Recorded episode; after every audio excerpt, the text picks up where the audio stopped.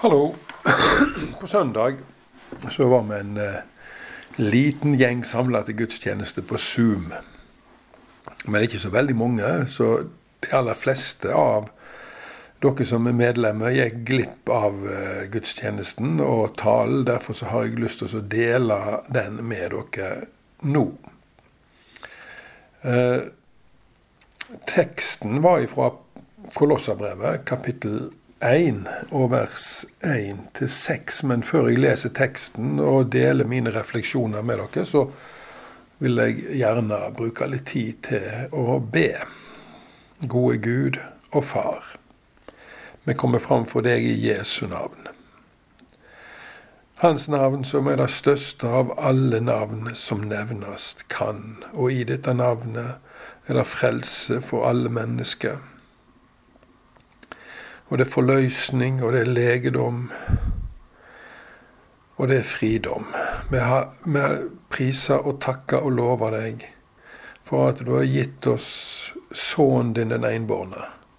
For at vi ved å tro på Han ikke skal gå fortapt, men ha evig liv. Og så har jeg lyst til å be om at du gir meg den hjelp som jeg trenger nå til å dele ditt ord på en god måte med alle mine tilhørere. Og jeg vil be for de som lytter, at de skal ha mottagelige sinn. Og så ser du alt som de siste dagene har skjedd i Israel, på Gazastripa. Og vi ber om at du skal komme alle gislene til unnsetning i Jesu Kristi navn. Og så ber vi også om at eh, det skal komme en ny tid da det palestinske folket favner det jødiske. Og vi kan få en sann fred, Herre, etablert av deg. Det er vår bønn. Amen. Teksten som vi tok for oss, den lyder sånn. Paulus, etter Guds vilje, Jesu Kristi apostel og vår bror Timoteus, helser de hellige i Kolosseet, de truende søsken i Kristus. Nåde være med dere og fred fra Gud, vår Far. Vi takker alltid Gud, vår Herre Jesu Kristi Far, når vi ber for dykk. For vi har fått høre om dere tro på Kristus Jesus og den kjærleiken det har til alle de hellige, av det håpet som venter dere i himmelen. Det har det alt nå fått høre om gjennom det sanne ordet, evangeliet, som er kommet til dere. For i hele verden ber evangeliet frukt og breier seg ut. Det har det òg gjort hos dykk helt fra den dagen det hørte det, og i sanning fikk lære Guds nåde å kjenne. Det var slik de lærde det av Epafras, vår kjære medarbeider, som er en trufast Kristi tjener for dykk. Han har òg fortalt oss om den kjærleiken det har i anden. Hellige Far, helga oss i sanninga ditt ord er sanning. Paulus skrev dette brevet mens han satt i fengsel i Rom. Det er sammen med Filippa-brevet, Efesa-brevet og brevet til Filemon et av fangenskapsbrevene. Han hadde aldri sjøl besøkt eh, Colosseum, men byen ble nådd med evangeliet av folk som var sammen med han i Efesos. Tror nå jeg, da. Og Epafras var lederen for det teamet som ble sendt ut for å forkynne evangeliet i Colosseum og plante en menighet der. Første fengselsoppholdet til Paulus i Rom var mildt. Da kan vi lese om i apostelgjerningene 28.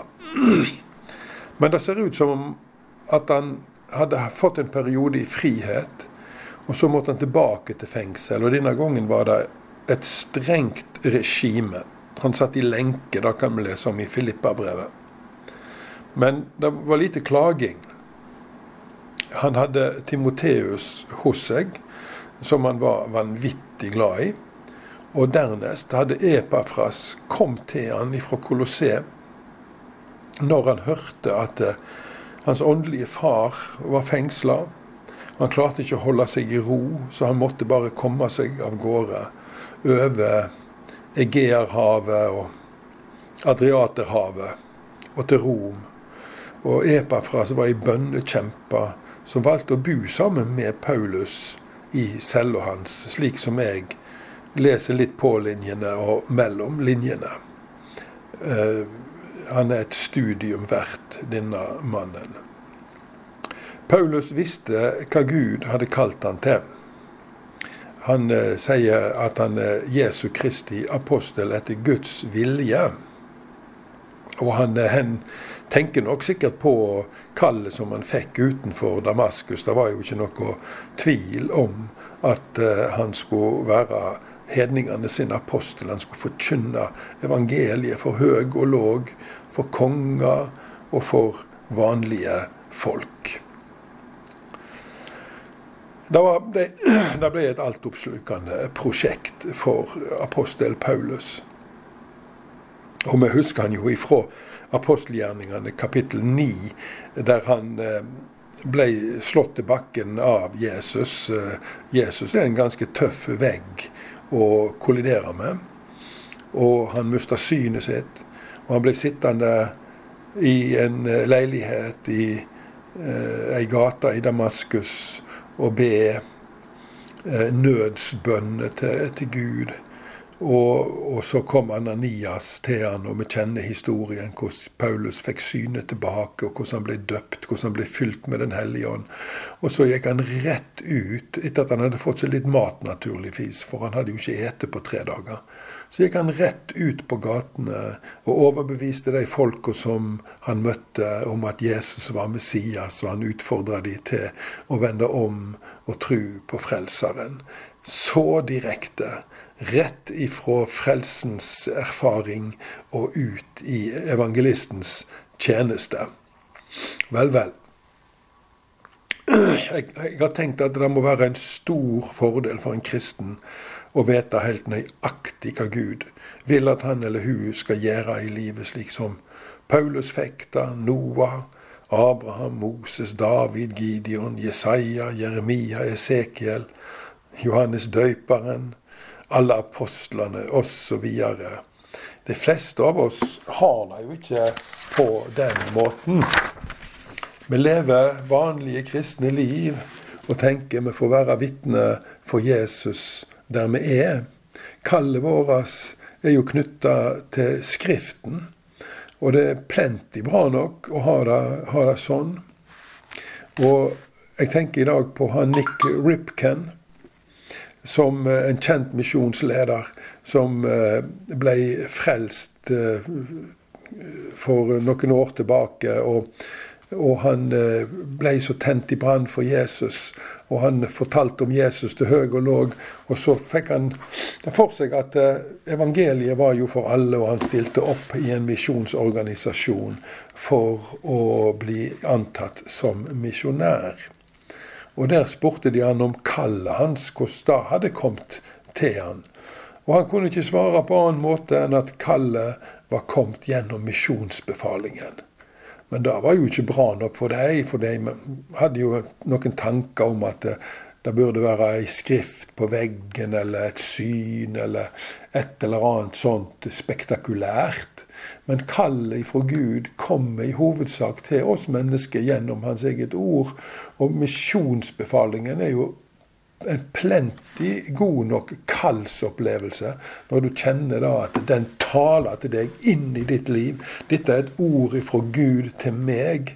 Og strengt tatt så kan du da reise hvor som helst og forkynne evangeliet i truskap mot Kristi befaling, og han vil være med deg, sier han. Alle dager så lenge verden står. Han har jo ikke noe valg. Han er nødt til å være med deg der du går. Han har ikke snakket noen plasser om Skriften på veggen, eller hva det skal være. Men det er godt for oss å få noen sånne ting av og til. Et profetisk budskap, en tunge med tydning, en drøm. Helt OK, veldig bra. Men vi kan ikke sitte og vente på det. For vi må komme oss ut i tjeneste for Jesus, for vi har en sånn utrolig rik arv å forvalte. En gullskatt av de sjeldne som vi ikke kan holde for oss sjøl. Og hadde vi bare forstått verdien av frelsen i Kristus, syndenes forlatelse og det evige livet som vi har fått. Det er plenty godt nok grunnlag for å utøve vitnetjeneste hvor som helst på jorda, fra Johannesburg og til Nordkapp. Eh, Nick Ripken han havna til slutt i Somalia. Og Dette skriver han i, bok, om, i boka si 'Den galne Gud', 'Den sprøe Gud', 'The Insane God'. Og, og der fikk han til slutt omvende ti somaliere til Jesus. Ti stykker. Ni av de lei martyrdøden. Måtte bøte med livet. Én lever igjen. Dette er Guds rikes kår i verden. Litt, da var det jeg hadde lyst til å si om kallet. Brevet er til de hellige i Kolosseum. Og jeg har gode nyheter til deg, kjære venn. Du som tror på Jesus, du er heilag. Alle som tror på Jesus, er hellige. Reine og rettferdige og himmelverdige. Det er ikke flekk eller lyte på deg i Gud din fars øyne. Du er rensa i Jesu Kristi blod. Og den gode nyhet nummer to er at alle hellige er en del av din familie. Vi som er hellige, er søsken. Søsken i trua. Søsken som drar omsorg for hverandre, og som oppmuntrer hverandre, og som utfordrer hverandre. For det har nemlig søsken også lov til. Men mest av alt så fryder og gleder vi oss i lag, har det fint sammen. For det er kjernen i et søskenfellesskap med én familie, vi som tror på Jesus. Og siden vi er det, så elsker vi hverandre så inderlig høyt. Ja, eh, de kristne i Kolosseet hadde kjærlighet til alle hellige. Det er i alle fall det normale. Møter du et menneske som tror på Jesus, så skal du umiddelbart kjenne et søskenfellesskap der. Kristne som ikke elsker sine truende søsken, kan umulig kjenne Gud, sier Johannes i sitt første brev. For Gud er kjærlighet. Eh, vi holder ofte avstand til andre kristne. ikke sant? Og da at vi holder avstand til andre kristne, er et dårlig tegn. Det er ikke et kjærlighetstegn.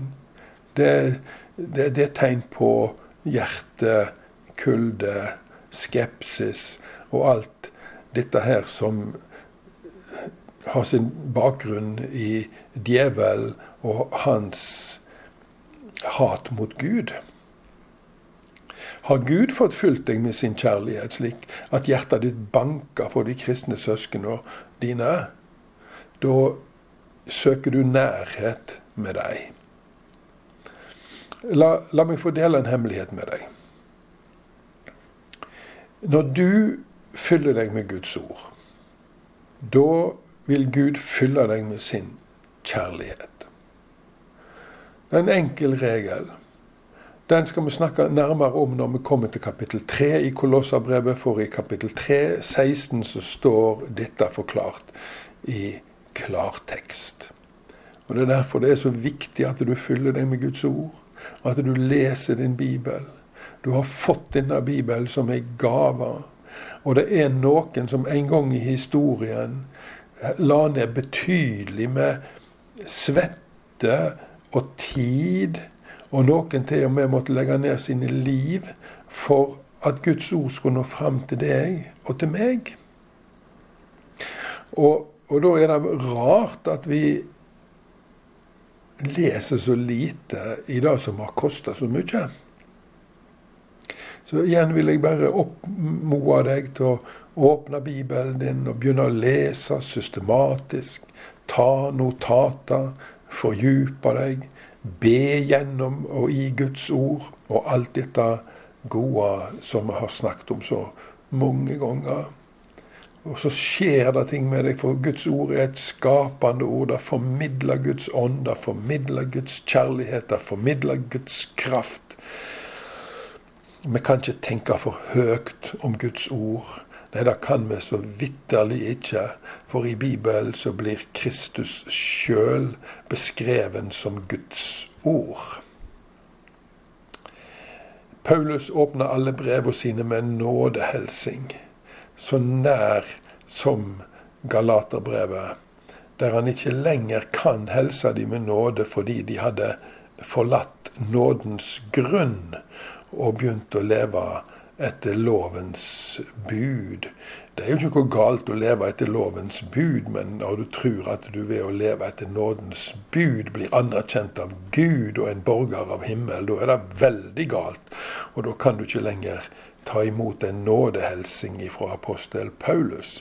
Men for oss som tror på Jesus og på, den, og på gratis frelse og alt av det der, og som lever etter nådens, lovens bud fordi det er rett og godt, vi kan fremdeles bli helst med Guds nåde og ta den helsinga til oss.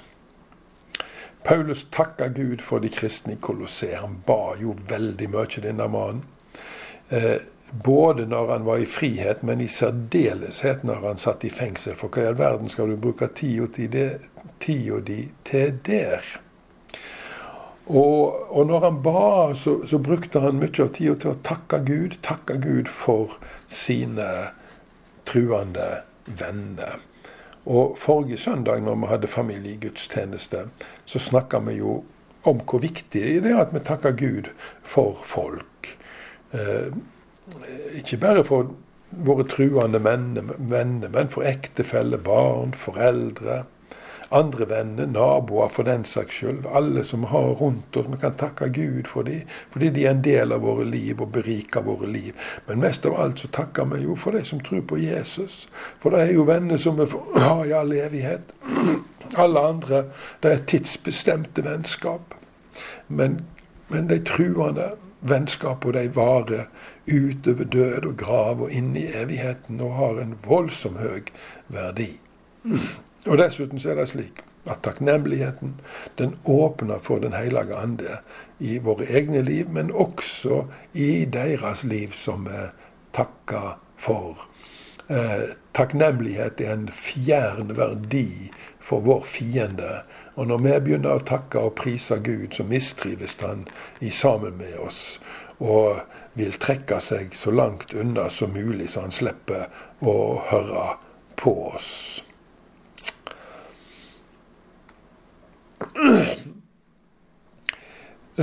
De som tror på Jesus, elsker hverandre.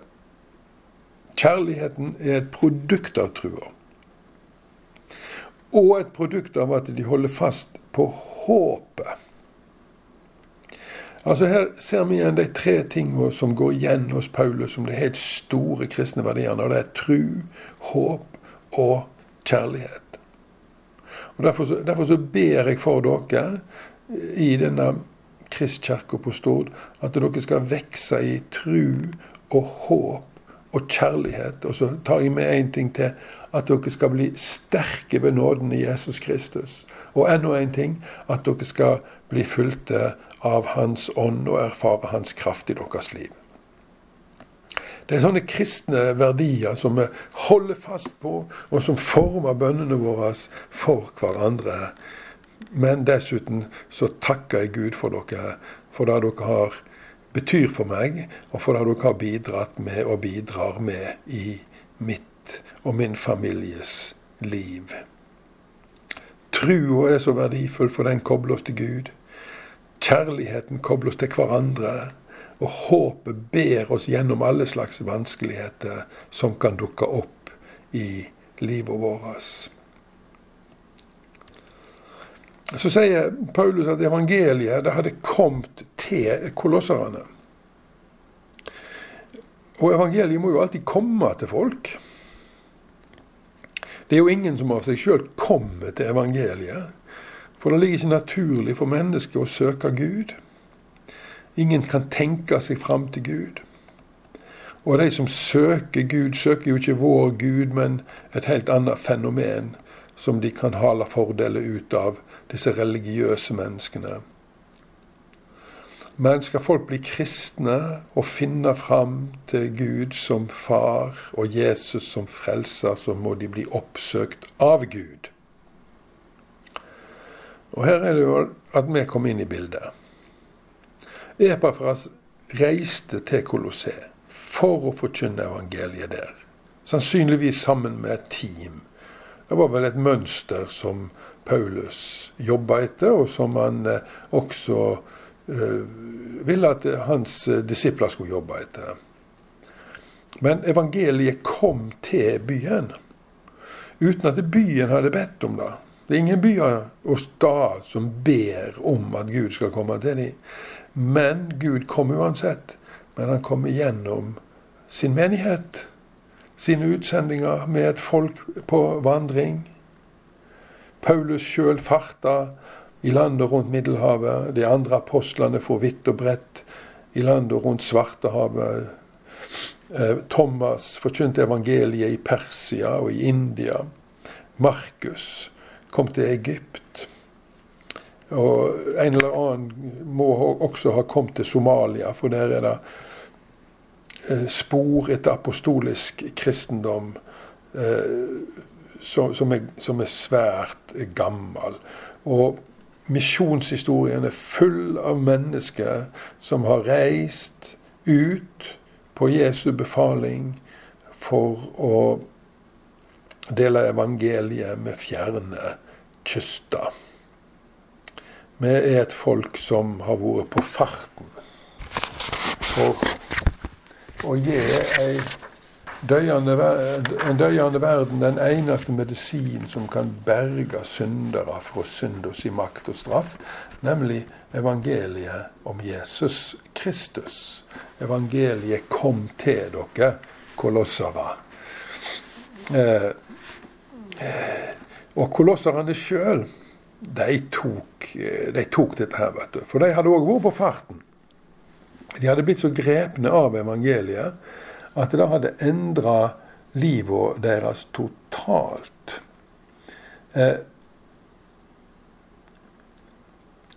for det står jo her For i hele verden ber evangeliet frukt og breier seg ut det har det òg gjort hos dykk helt fra den dagen du hørte det og i sanning fikk lære Guds nåde å kjenne. Det er jo et fantastisk ord. For eh, det var ikke bare da at evangeliet kom til dem, men de begynte å bære det ut til nabolag.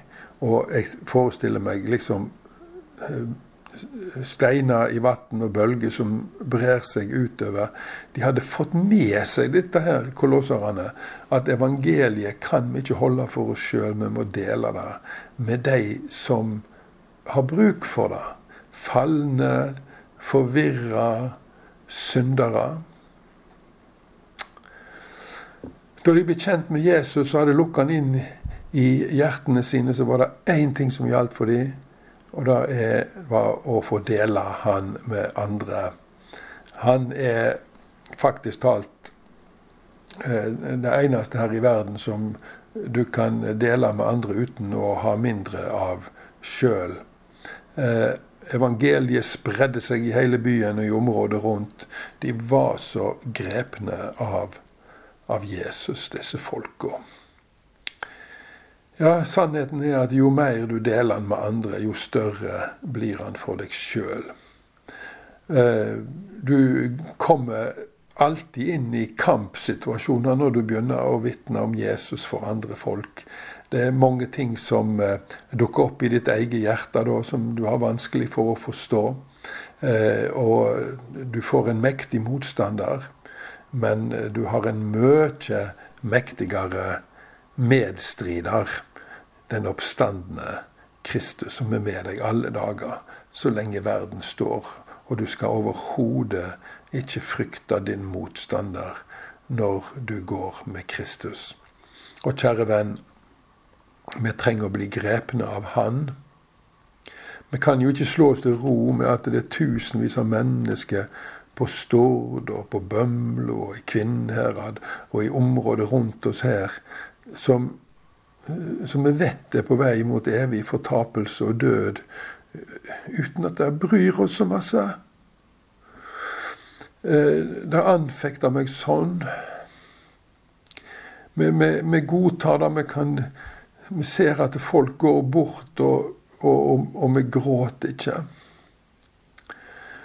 Men uansett om hjertene våre kan være kalde og tørre og harde, så må vi i Jesu navn legge opp et program der alle menigheter målretta går ut for å dele Jesus med folk i de ulike lokalmiljøene og i de kommunene der vi bor. Det har vært en drøm for meg og er det fremdeles. Og jeg vil stå for dette helt til jeg er ferdig her på jorda. Lusang-bevegelsen har et herlig motto. Hele Guds menighet forkynner hele evangeliet for hele verden. Jeg syns det er et kjempefint motto. Jeg ønsker å ha det i mitt hjerte. Paulus kaller evangeliet for sannhetens ord, og det er sannhetens ord det er. Her snakker vi ikke om hva som er sant for deg og hva som er sant for meg, eller som jeg sa til meg, du har din sannhet og jeg har min sannhet. Nei, en sannhet er bare en sannhet dersom man er sann for alle. Og budskapet om Jesus er sant for alle. Heldigvis. Og det er den eneste sannheten som kan frelse syndere. Og den har vi fått. Tenk at det er sant for alle at Jesus døde for alle og sto opp for alle. Og så står det, og nå er vi vel i andre Korinterbrev en plass, og han døde for alle.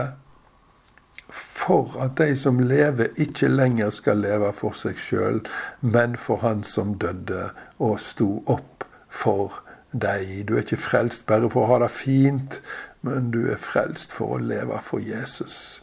Og da får du det fint. Da tror jeg alle som har vært inne på den veien, kan bevitne. Ære være Faderen og Sønnen og Den hellige ande, som var og er og være skal, en sann Gud fra Eva og til Eva. Amen. Så får jeg ønske deg en fin dag videre. Takk for nå, og så er du hjertelig velkommen på gudstjeneste i Kristkirka. Bjellandsveien 51, dersom noen ikke vet adressa. Eh, den 22. oktober, og da er det Håkon C. Hartvedt som kommer for å synge og forkynne, og han er sannelig min hatt og min frakk flink til begge deler.